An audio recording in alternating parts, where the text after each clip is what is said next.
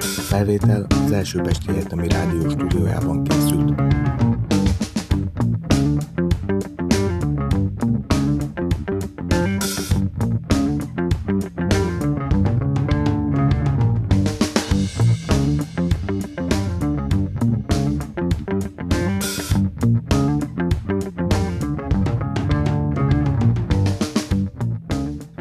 Sziasztok! Nagy szeretettel köszöntünk minden kedves hallgatót a Mozzanat harmadik adásában, a Mozzanat a Mozaik Kör podcastje. Ebben az adásban alapvetően a választásról fogunk beszélgetni, megpróbáljuk megérteni az eredményeket, azok okait, a társadalom gyakorolt hatását, valamint külpolitikai következményekkel is fogunk számolni. Ebben a segítségemben a Csekme András. Sziasztok! És Kert Antal. Sziasztok! Köszönöm, hogy itt vagytok, én pedig Horváth Trisztán vagyok.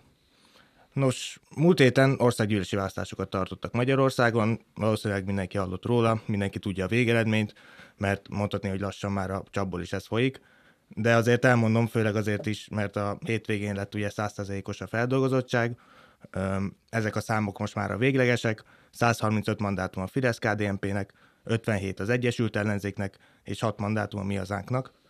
És hogyha ezt lakosság arányosan nézzük, akkor több mint 3 millió ember szavazott a a kormánypártokra. Ez több mint egy millióval több, mint az ellenzék szavazatai. Szóval hatalmas győzelemről beszéltünk, kényelmes kétharmaddal, egy pillanatig sem volt veszélyben, és ez minden eddigi választásnál nagyobb állampolgári felhatalmazást fog majd adni a Fidesznek. Nektek mi volt az első reakciótok, amikor megláttátok az elsődleges adatokat, valamint mire számítottatok?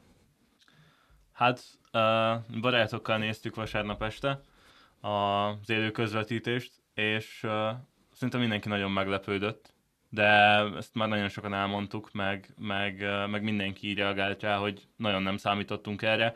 A Fidesz győzelem az várható volt, de a kétharmad az, az úgy nézett ki a választás előtti pillanatokig, és még gyakorlatilag este kilencig is, hogy elmarad.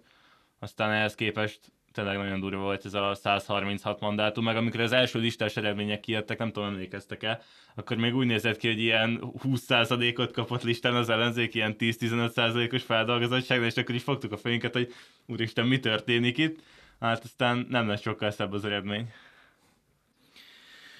Igen, hasonlóan vagyok én is, viszont én kettő részre bontanám azért a, a saját várakozásomat, mert van az érzelmi alapú, ahol, ahol, ahol a szemem előtt csillogó remények azért befolyásolták a várakozásaimat a választások eredményével, és volt a, a szomorú racionalizmus, ami az elmúlt éveknek, meg a, az eseményeknek a, a nyomán lappangott bennem, ami, ami ugyan a kétharmadot nem jósolta meg számomra, de, de hogyha nagyon a, szívem mélyébe akartam nézni, akkor, akkor, akkor nem volt elég ahhoz, a, ahhoz a remény, hogy tényleg azt gondoljam, hogy lehet itt ellenzéki győzelem, sem a, a kutyapártnak a, a bejutása is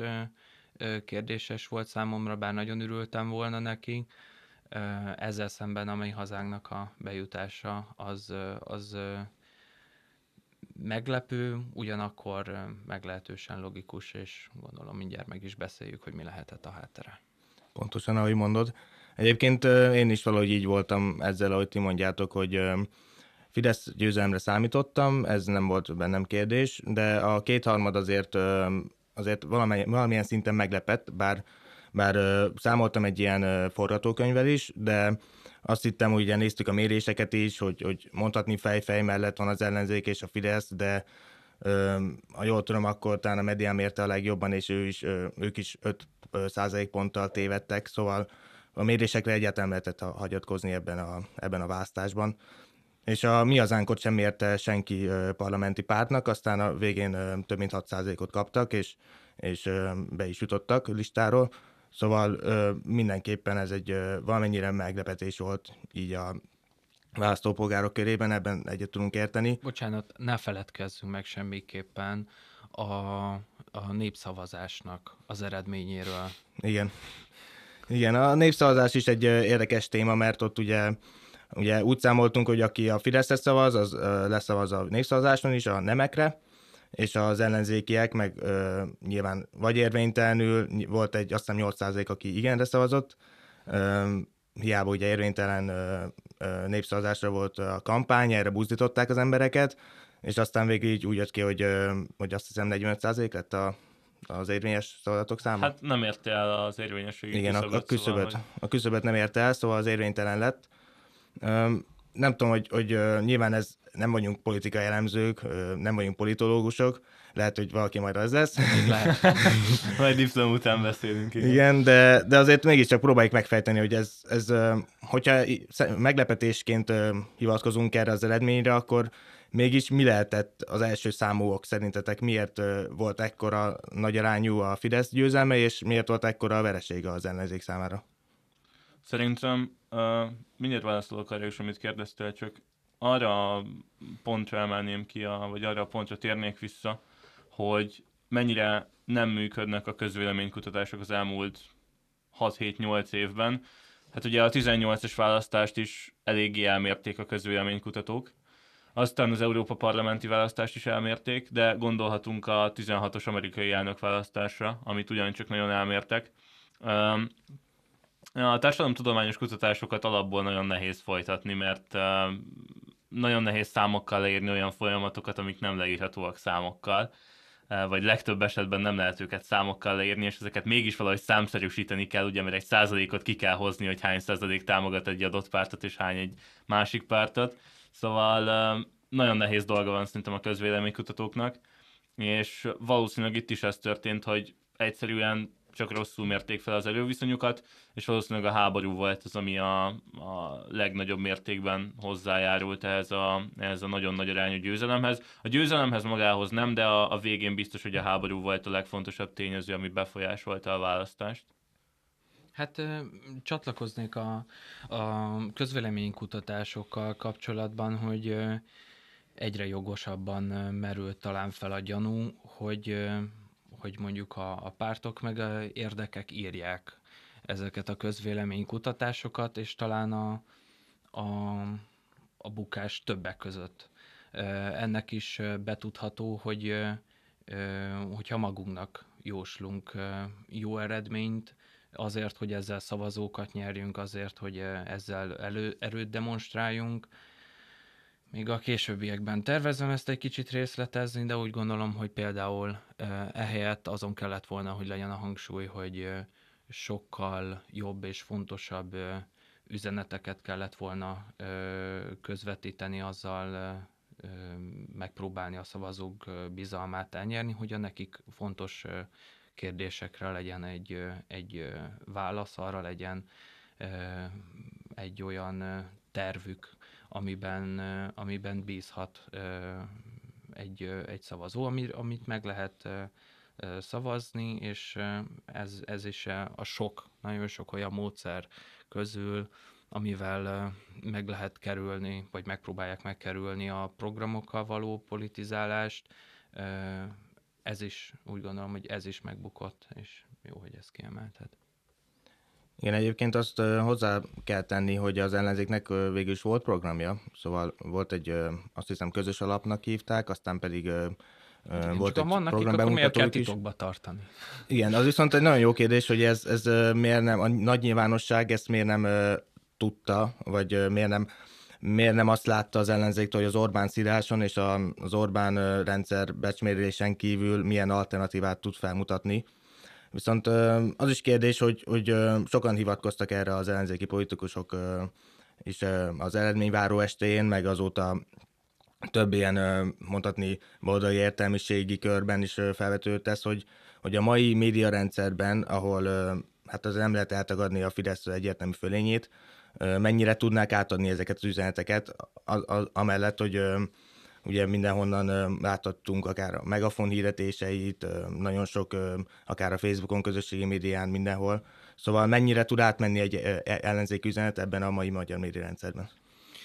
Hát itt azt hiszem, hogy, hogy egyértelmű, nagyon-nagyon egyértelmű, hogy többek között ez az, ami a demokráciának a, a magyar demokráciának a felszámolásának az egyik ilyen bástyája a, a bődületes média túlsúly, vagy egyáltalán az olyan üzenetek, amik, amik ellehetetlenítik a programpolitizálást, és teljesen más, hogy tematizálnak egy választást, mint, arról, mint amiről egy egy normális demokráciában kellene, hogy szóljon a választás, és egyrészt ugye ezt kiemelte Márki Zaj Péter is a vereség utáni sajtótájékoztatóján, hogy ő ezt tartja a legfontosabb oknak, ami miatt vesztett, természetesen, viszont emellett ki kell emelni azt is, hogy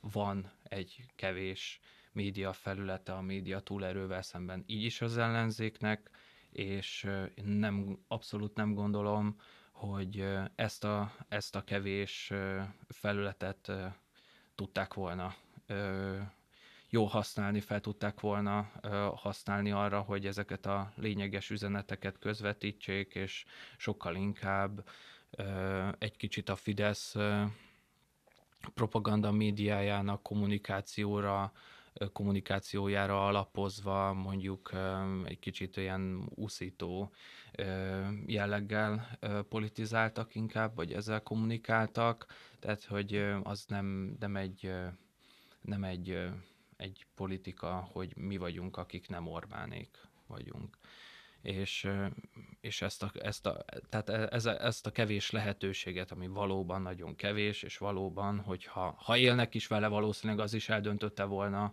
a, a választás eredményét, de mégsem lenne ekkora a kudarc, hogyha az ellenzék az valójában ellenzék lenne, és úgy is tudna kommunikálni. A, mondtál, mondtál nagyon fontosat, hogy a, a programpolitizálást ellehetetleníti a Fidesz. Én ezzel vitatkoznék, mert hogy az, hogy ők valamit csinálnak és valamit közvetítenek, nyilvánvalóan egy olyan ö, média hátországgal a hátuk mögött, ami az ellenzéknek nincsen meg, az nem lehetetleníti el az ellenzéket azon, hogy az ATV-n, a saját felületeiken, a saját hirdetéseikben, azért ha megnézitek, akkor oké, jóval kevesebbet költöttek, azt hiszem ilyen 1 milliárdos összeg jött ki a végén az ellenzéki kampányköltésekre, a Fidesznél pedig 1,8 milliárd, ha jól emlékszem. Tehát, hogy azért mind a kettő jelentős összeg, ha az egyik a dupla és a másiknak, lehetett volna programpontokat eljuttatni, lehetett volna lakatási válságról beszélni, lehetett volna ö, egyenlőtlenségekről beszélni, és most nem is ez a kérdés, hogy ezzel most egyetértünk vagy nem, hanem lehetett volna olyan dolgokról beszélni, lehetett volna esélyegyenlőségről beszélni, ami itthon szerintem nagyon komoly probléma, lehetett volna oktatásról beszélni konkrétan, nem úgy, hogy majd kerüljünk kormányra, és akkor minden jobb lesz, mert ez, ez, ez nem program, de de ez a munka ez nem történik meg, nem történt meg most sem, és nem történik meg 8 éve, hogy ne az legyen a kampánynak a fő témája, hogy Orbán Viktor szar, és egy bűnöző, és, és Putyinnak a szövetségese, hanem, hanem valami olyasmi, hogy mi milyen Magyarországot képzelünk el, és ezt senki nem tiltotta meg az ellenzéknek, és 12 éve nem képesek arra, hogy egy ilyen kampányt felépítsenek, és szerintem most ennek a választásnak a tükrében még szebben látszik az, hogy a választók igenis honorálják azt, hogyha valaki nem Orbán, Gyurcsány tengelyen politizál, hanem megpróbál valami más csinálni. Most a mi hazánkat ki lehet emelni, de a 20%-os jobbikot is ki lehet emelni 18-ból, akinek talán a leginkább volt víziója, vagy Magyarország jövőképe azokból az ellenzéki pártokból, akik elindultak a Fidesz az elmúlt három választáson. Tehát nem, nem igazán értem, hogy, hogy erre még hogy, hogy nem jött el az ellenzéki kampánycsapat, az ellenzéki pártoknak a kampánystábja, hogy nem működik az, hogy korrupcióról, jogállamiságról és, és Orbán szidásból áll a kampány, és a fontosabb pártpolitikai és, és hosszú távú célokról gyakorlatilag nagyon kevés szó esik, és nem is nagyon azokat hirdetik meg, hanem azokat, hogy Orbán háborús bűnös. Igen, egyébként ezt szerintem, szerintem pont a Zungár Péter mondta, még a napokban, hogy amikor elemezte is a választási vereséget, hogy, hogy úgy érezte, hogy ők rossz üzenetet adnak át, hogy példaként ugye nem tudom, azt hozta, hogy az egészségügyi minisztériummal kampányoltak, meg ugye a, a korrupciómentességgel és a korrupciót citták a, a Fidesz oldalán, de azt láthatjuk, hogy úgy látszik, hogy az átlag magyar embernek nem ez a fontos, tehát hogy nem az a nem az a legfontosabb üzenet, hogy akkor most legyen egy más minisztérium, vagy egy, egy nem korrupt rendszer legyen, sokkal tisztább kezűek legyenek. Magyar embereknek szerintem inkább az a fontosabb, hogy a megérhetésük megmaradjon, az, ami megvan megtakarításuk, azok megmaradjon, hogy ne legyen válság, valamilyen szinten stabilitás legyen, és úgy látszik, hogy ezt a Fideszben látták meg. Hát a... egy, egy szóval, ami, ami a biztonságérzetet kelti állampolgárként, és ez az, ami, ami, amire tényleg nem fektetett valami nagy hangsúlyt az ellenzék, sőt, annál inkább volt olyan a magatartása, hogy hogy mint ugye kiderült, hisz vesztett 900 ezer, majdnem egy millió szavazót az ellenzék, hogy míg akiket korábban megnyertek, tehát akik már korábban ellenzéki szimpatizánsok voltak, míg csak azoknak se. Tehát, hogy nem az lett volna a célkitűzés, hogy megtartsák a saját táborukat, hanem az, hogy elhódítsanak a térféltől, és, és a, a saját táborukban nem sikerült bizalmat gerjeszteni ezeknek a, a kérdéseknek, nem hogy a, a kihagyásával, hanem sok ponton szerintem szembe is mentek ezzel. Ezeket nem részletezném, mert azt hiszem, hogy most sok médium interjú van, ami erre egyébként alkalmas, ahol ez megtörténik, viszont a, viszont a Fidesz, és erről mindjárt beszélünk, hogy például a háború kapcsán hogyan tudta megoldani ennek az erőnek és ennek a biztonságnak a, a, az érzetének a, a keltését. Ez, ez, ez egy nagyon nagy tanulság, azt hiszem. Igen, jó, hogy mondod, mert uh, háborúval akartam folytatni, hogy Na, hogy uh, Andris, te mondtad, hogy, hogy szerinted ez az első számú oka az ellenzék vereségének, és a Fidesz... Hát nem is a, nem is a vereségnek, hanem az ilyen méretű. Az, az ilyen méretű, igen, a nagy arányú vereségnek, illetve győzelemnek, ki hogyan nézi. Uh, hogy látjátok, hogy szerintetek a háborús kommunikáció mit rontotta az ellenzék igazából? Mi volt a probléma? Az, hogy Putyin Putyin tették meg ö, kvázi főbűnösnek, és ugye Putyin ö, kontra Európa, ezt láttuk mindenhol, és ö, vagy ugye nem tudom, ugye a Márkizaj Péternek is voltak ö, hát egy-kettő olyan kijelentése, amit lehet, hogy kivettek kontextusból, de akkor is ö, nem, nem kellett, nem kellett Nem volt bizalomgerjesztő, igen, erre gondoltam, um, hogy mondd csak. Bocs, csak a háború, háború reggelén, amikor, amikor először olvastuk erről a híreket, akkor Márkiz egy nagyon-nagyon-nagyon gyorsan kommunikálta, hogy, hogy elítéli az agresszort, és a második lépés az az volt, hogy Orbán Viktor a, a fő szövetségese Putyinnak, és, és háborús bűnös ő is, vagy legalábbis felelős. Háborút ment előkészíteni. Igen, igen, igen, igen, igen, igen, és amikor én ezt megláttam, akkor úgy voltam vele, hogy hát ez borzalmasan undorítóan néz ki, de nem döntöttem el magamon, azt mondtam, hogy meglátjuk, hogy mi lesz belőle, nem érezt, nagyon-nagyon úgy éreztem, hogy ez egy hibás kommunikációs lépés, de azt mondtam, hogy meglátjuk majd a választások után, hogy mi lesz belőle, hát ez lesz belőle. Egyértelmű, hogy egyértelmű, hogy nagyon elrontotta az ellenzék a háborús kommunikációt, Orbán pedig egy olyan, egy vert helyzetből, egy olyan helyzetből, hogy gyakorlatilag tényleg a gazdasági kapcsolatokat leszámítva, amiket mondjuk nem nagyon erősített meg Oroszország felé, mert az előző kormányok idején is nagyon erős kitettségünk volt Oroszország felé, ez, ez annyira, annyira lényegesen nem erősödött, hanem tényleg az, hogy a társadalmi, társadalmi téren, társadalompolitikában folytatott kérdésekben hogyan viszonyultunk Oroszországhoz korábban, és most az, az mindenképpen megváltozott, és ehhez képest mennyire szépen tudta azt megoldani, vagy mennyire ügyesen oldotta meg a Fidesznek a kampánygépezete azt, hogy a magyarok biztonságára és a békére kihegyezve egy abszolút vesztes helyzetből kihozzák nem hogy döntetlenre ezt a meccset, hanem, hanem fényesen legyőzve ebben a kérdésben az ellenzéket, akinek tényleg annyi volt az üzenete, hogy a NATO, amit kér, azt mi ö, egyből megtesszük. Ilyen, nem tudom, nekem ez, a, ez az ilyen csatlós NATO, NATO csatlós ugrott be, vagy ez a kép, hogy akkor Márki Zaj, akármit mondanak a NATO-nál, azt ő megcsinálja, és ez nekem nem volt szimpatikus. Igen, szóval uh, téged, téged nem tudott meggyőzni az ellenzék arról, hogy a Putyin csatlós Orbán, hanem inkább úgy jött le, hogy NATO csatlós MZP. Igen, de nem is az, hogy ne, ne, ne, nem, nem erről akartam meggyőződni, meg nem is az a fontos, hogy engem kigyőz meg, hanem hogy ez a magyar emberek többségének valószínűleg nagyon unszimpatikus volt, hogy a háborúban nem összefogás, nem valamilyen megbékélést, a békét uh-huh. hirdette Márkizaj Péter, hanem azt, hogy, hogy valaki agresszor és valaki, valaki tudom, nem, bele akarja sodorni Magyarországot a háborúba. Szerintem, szerintem ez hiba mondjuk, volt. Mondjuk ki, hogy volt az a, az a bizonyos partizános interjú, amiben, amiben a háborúval kapcsolatos állásfoglalását taglalta, de sem abban, sem egyébként a kommunikációjában egy ilyen helyzetben nem járta körül ezt a, ezt a témát olyan kielégítően. Tehát, hogy, és így mondanám, hogy nem volt bizalom gerjesztő, hiába gondolom személyesen, hogy, hogy ő nem nem, nem, lenne, nem lenne háború párti, tehát hogy na mindegy, tehát a, fel, a fellépés az egy kicsit ilyen, ilyen érzelemmel telített volt, és szerintem azt, azt nézte be ezzel, hogy, hogy ezt az ellenséges érzelmet kell felhevíteni a, a Putyin háborújával szemben, és akkor egy kicsit így érzelemből kommunikált, és ez volt az a pont, ami, ahol viszont a, a Fidesz jól vette alapot, mert ők viszont azt nagyon jól tudták közvetíteni, hogy itt egy, itt egy, itt van egy igencsak nagy veszélyfaktor, és, és akkor ezzel a stratégiai nyugalomnak a kommunikálásával, ami, ami nekünk egy kicsit ugye mókás, viszont, viszont tényleg azt tudta magáról kommunikálni, hogy ebben a helyzetben egy stabilitást kell garantálni, és hogyan hintázik a NATO és Oroszország közt,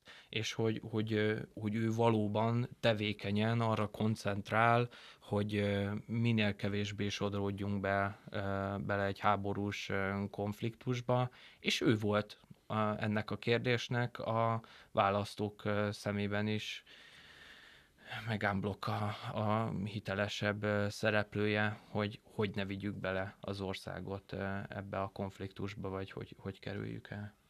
Márkizai szerintem azt nem értette meg, hogy április elején nem külföldön, vagy nem a külföldi sajtóban, vagy a külföldi állampolgárok szimpátiája előtt kell megnyerni a választást, hanem itthon. És, és az, hogy Zelenszky miket üzengetett Orbánnak, meg hogy a külföldi sajtó, meg a külföldi nyilvánosság mit gondolt Orbánnak a, az állásfoglalásáról, az egy dolog, de Orbán pontosan tudta, hogy haza kell játszania, és már Kizaj ezt rontotta még el azon kívül, hogy, hogy szerintem nem egy vezetőnek nem lehet ilyen érzelmesen reagálni egy ilyen háború szituációban, annak ellenére, hogy megértem én is azt, amit tett, meg, meg egyetértek azzal a felháborodásával, ahogy, ahogy ezt kommentálta ezt az esetet, de hogy ezt nem, nem lett volna szabad így, így a nyilvánosság elé tárni ezt a véleményét, hanem valamilyen kampányt kellett volna erre kiépíteni, amivel, amivel ő is egy ilyen békét, erőt és, és a magyar emberek békevágyát tudja meg, megerősíteni vagy megvédeni. Úgyhogy szerintem ezt rontották el, hogy Márkizaj kifele kampányolt, megpróbálta egy ilyen a külső, külső szemlélő számára szimpatikussá tenni magát és az országot, Orbán pedig nagyon okosan befelé, és tudta, hogy a magyar választók bizalmát kell megnyerni április harmadikán, nem a külföldi lapoknak a nyilvánosságát.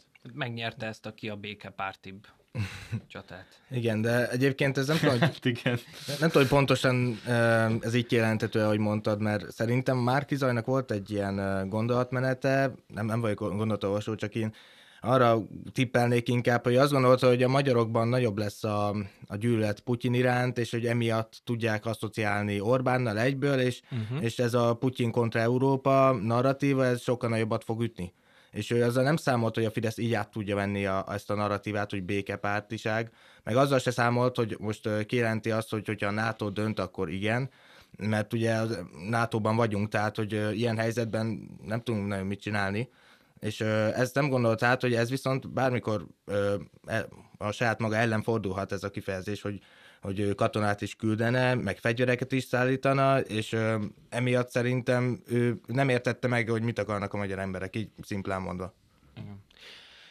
Óriásit mehetett volna a, az ellenzék, hogy ezt jól tudja temati, tematizálni, mert, mert megint csak nagyon sok ellenmondás volt Orbánnak a, a kommunikációjában a valósággal, hogy, hogy mit képvisel mondjuk a NATO-ban, az Európai Parlamentben, mit képvisel kifelé, és mi az, amit befelé képvisel, és ezt szembe lehetett volna fordítani, meg, meg elő lehetett volna jönni a, a, a Putyinnal számos más problémával, tehát hogy hogyan működnek Oroszországban a, az emberi jogok és, és társai, és lehetett volna úgy tematizálni, hogy ezt akarjuk-e mi ide, vagy hogy nem ebbe az irányba tartunk-e, hogy, hogy mennyi olyan, olyan intézkedés, mennyi olyan akciója volt a kormánynak, ami sejtelmesen hasonlít ahhoz,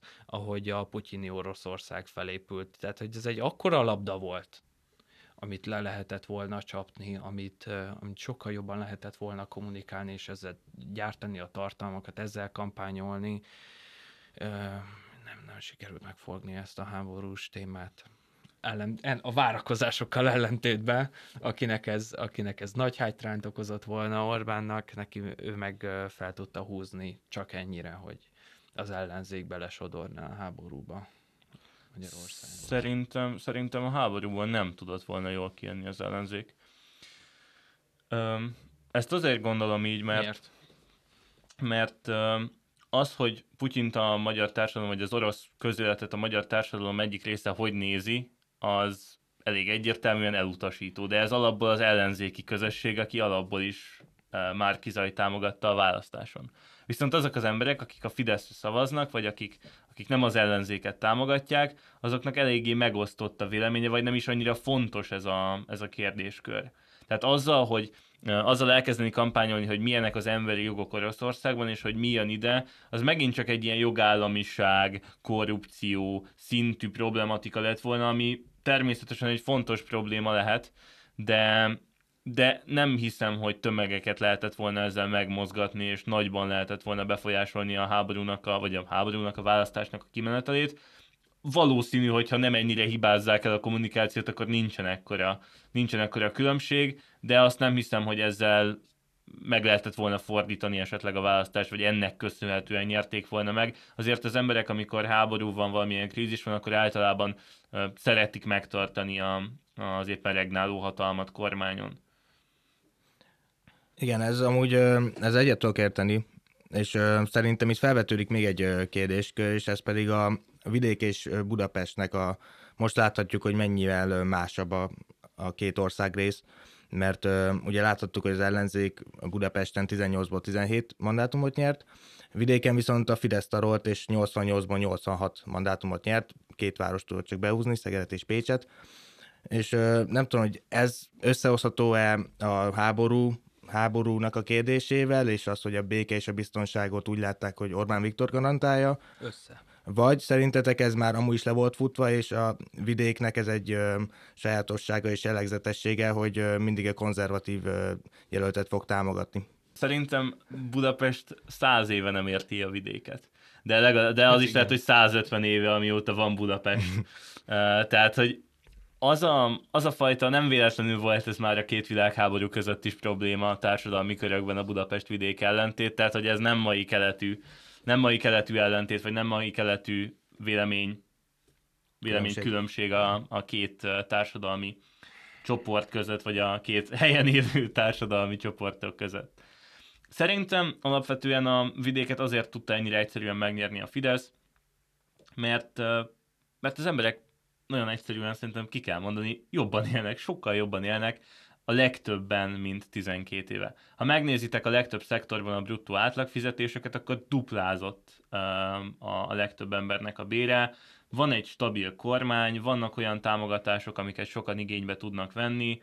Nem azt mondom, hogy mindenki, nem azt mondom, hogy, hogy hihetetlen szintű változások történtek meg, de a globális folyamatoknak köszönhetően és a kormány stabilitásának köszönhetően a legtöbb ember erre a 12 évre úgy emlékszik vissza vidéken, meg valószínűleg Budapesten is, mint egy gazdasági problémák nélkül fejlődéssel eltöltött időszak. Valószínűleg ez most majd meg fog változni, de, de az elmúlt 12 év az egyszerűen így játszódott le. És ilyen közegben alapból nagyon nehéz kormányt váltani, mert hát van egy, van egy társaság, aki összetartó, nem beszélnek ki egymásról, mint hogy a MZP nagyon sokszor kiszólt az ellenzékre, ami ugyancsak hiba volt szerintem kampány alatt. Arra ma ne is beszéljünk, majd mindjárt visszatérünk arra, hogy Gyurcsány meg Jakab hogyan Igen. kommunikálta a választási vereséget a választás estéjén.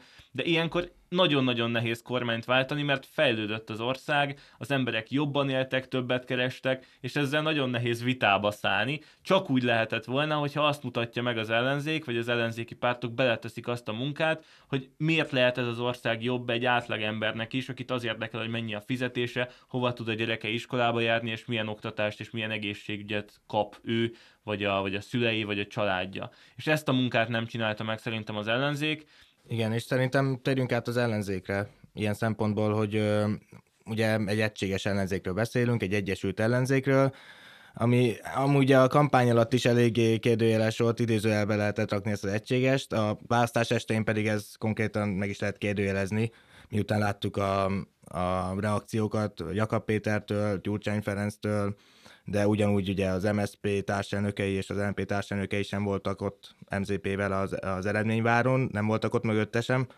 Szóval hogy látjátok a mostani ellenzék helyzetét, mennyire tudnak majd együtt dolgozni, és mennyire fog szétesni ez az egész?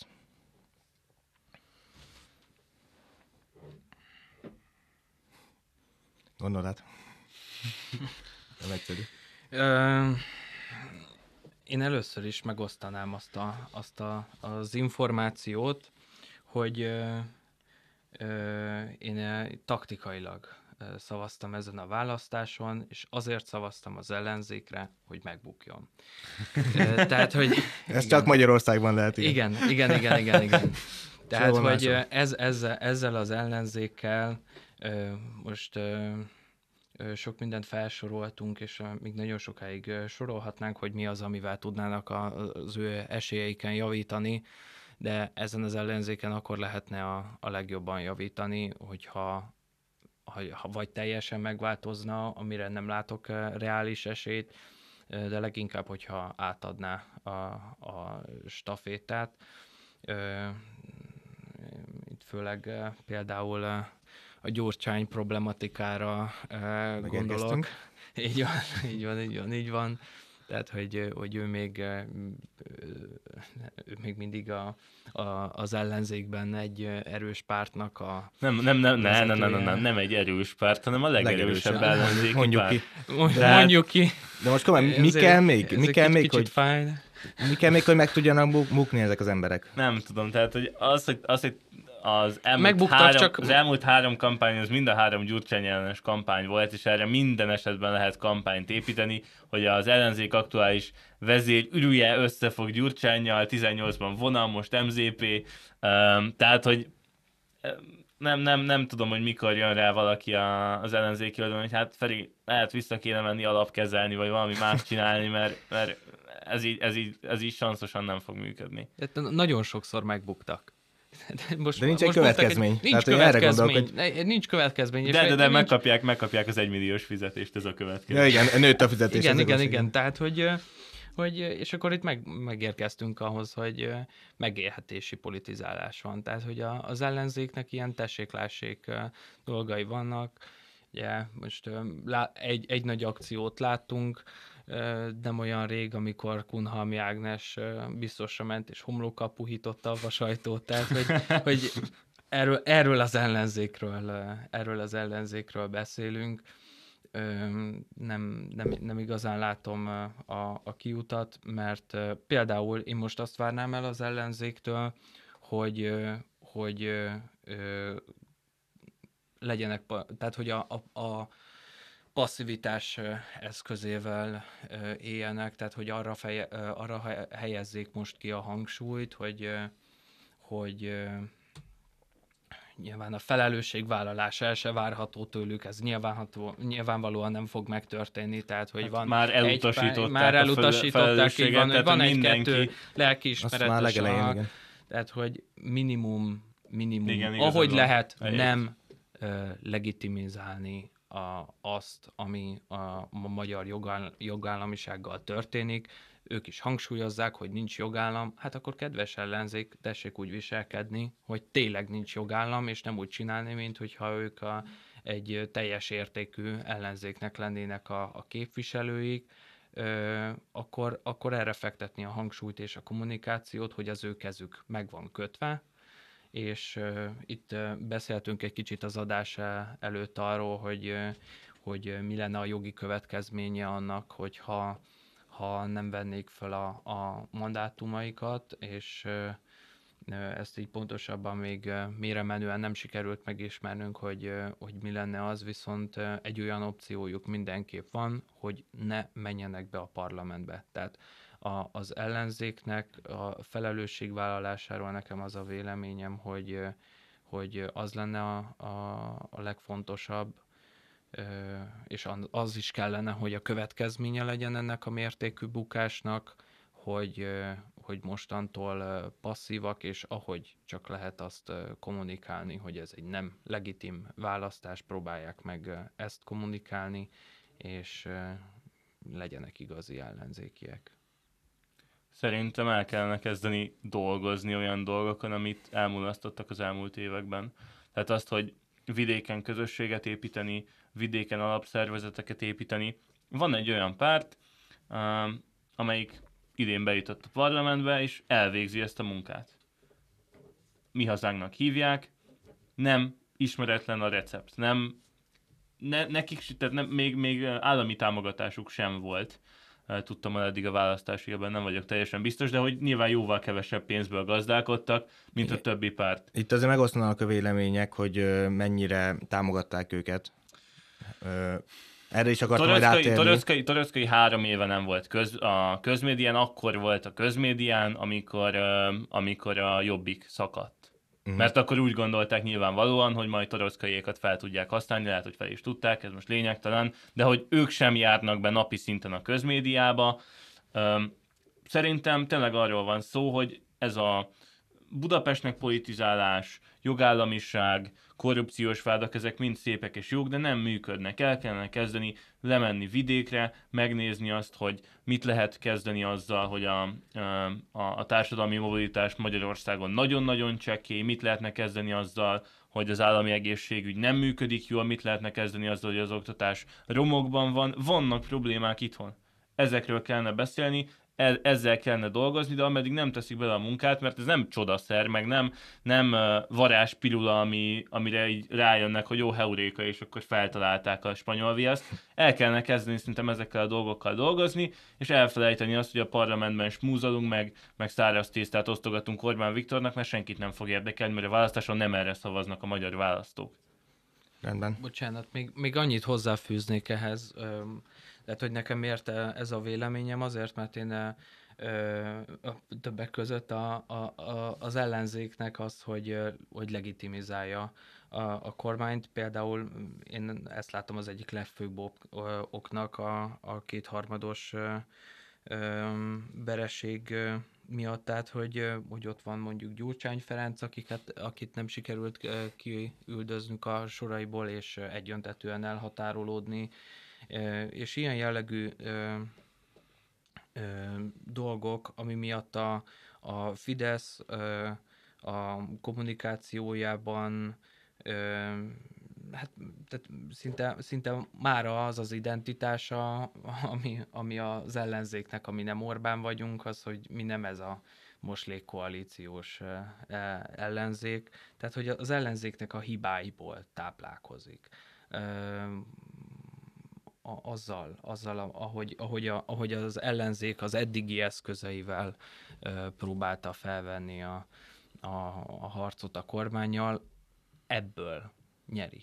Tehát, hogy, hogy, hogy ezzel ezzel, ezzel vittem most is a választást, tehát nem, nem ö, világpolitika, meg, meg egészségügy, oktatás, stb. Kérdése, kérdésekkel hódította magához a, ezt a szavazótábort, hanem az ellenzékből vezette le önmagát. Tehát egy kicsit lehet naivan, de úgy gondolkozok, hogy ha nem lenne ellenzék, ami nem legitimálná, akkor, akkor, akkor, akkor talán egy kicsit jobban látszódna az, hogy, hogy valójában milyen ennek a kormánynak a természete, és valóban mi történik a, a, az országgal, hogyha nem lehetne minden egyes ballépésüket, mint a Fidesznek a, a ballépésüket eltusolni egy-egy, egy-egy ellenzéki ö, hibával. Tehát, hogy, hogy ha, nem, ha nem ö, tudnák állandóan ö, a saját maguknak a, a kimentésére felhasználni azt, hogy na és akkor ott van a bal oldal. Záró kérdés. Ellenzékváltás nélkül nincsen kormányváltás? Fú, uh, valami könnyebbet. Nem, viccet félretéve, nagyon-nagyon nehéz helyzetben van az ellenzék, tehát hogy minden uh, kritikánkat félretéve az egyértelmű, hogy lejt a pálya, jóval kevesebb forrásból, emberből, szellemi, anyagi erőforrásból gazdálkodnak, mint a kormánypártok. Ez egyértelmű. De ennek ellenére szerintem nincs más út, mint elkezdeni drasztikusan megváltoztatni azt, ahogy politizálnak, és szerintem az az útja, hogy azt a Magyarország víziót, amit felépítenek, ha van ilyen, azt elkezdik képviselni, és elkezdik levinni kis településekre is, és elkezdenek az emberekkel beszélgetni közvetlenebbül, nem olyan kérdésekben, amit, amit eddig tettek, hanem másokban. Hogy ez működni fog, azt nem tudom, de ami most volt, az egyértelmű, hogy nem működik, szóval valamit mindenképpen kellene váltani.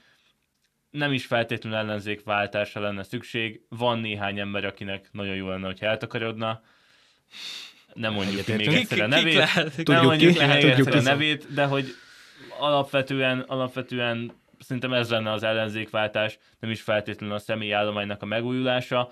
Valószínűleg ez a dolog, amit most mondtam, viszont nem fog megtörténni anélkül, hogy személyállomány változás legyen, mert ezek az emberek, akik bennülnek most a parlamentben, tisztelet a kivételnek, bebizonyították azt, hogy nem nagyon, nem nagyon, nem nagyon tudnak ezért tenni, vagy nem akarnak ezért tenni.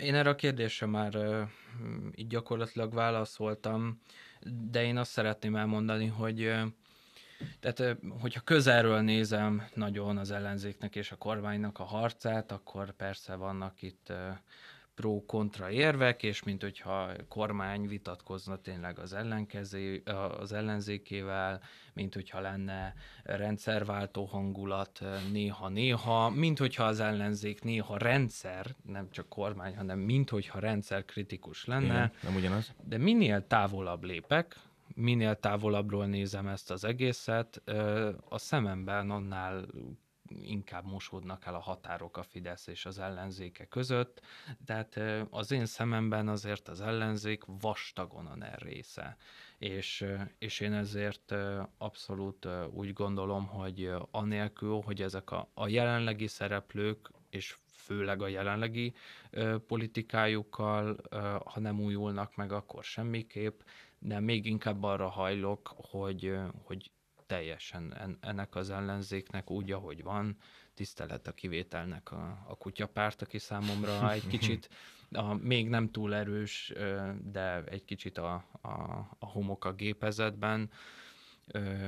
Őket, őket leszámítva úgy gondolom, hogy, hogy az ellenzékből nyeri a legitimitását a kormány, és velük semmiképp sem lesz lehetséges leváltani ezt a, ezt a, a kormányt, saját magát meg nem fogja, úgyhogy a 2026-os Fidesz győzelem is velük várható. Hát igen, amúgy én is így gondolom, és szerintem pont ezért lógott ki MZP ebből az ellenzékből, mert szerintem ő nem a, tartozott. Bocsánat, az előválasztás előtt. Így van, így van. És a kampány, értem, és a kampányban Bár... már ugyanazokat az eszközöket használta, Bármikor őszinte volt, akkor meg ugye meg az volt a probléma, hogy ö, elég sok hülyeséget beszélt, mondjuk ki. Szóval nem, nem, a, politikai, nem a politikai ö, képességéről akarok beszélni, csak arról, hogy ő valamennyire kívülálló volt az elválasztás előtt, és és ő tényleg nem az elmúlt 30 évnek a része volt, hanem az elmúlt négy évnek, de most már még, egy, még egyel kevesebb ember, akire ezt elmondhatjuk. Sajnos. Nos, ennyi fért bele a mai epizódunkba. Köszönjük szépen, hogy végighallgattatok minket. Ne felejtsetek el követni minket Instagramon, Facebookon, megtaláltok minden közösségi médiai oldalon Mozaikkör néven. Legközelebb két vagy három hét múlva fogunk találkozni. Addig is tartsatok velünk. Én Horváth Trisztán voltam. Check András. És Gert Köszönjük szépen. Sziasztok! Sziasztok!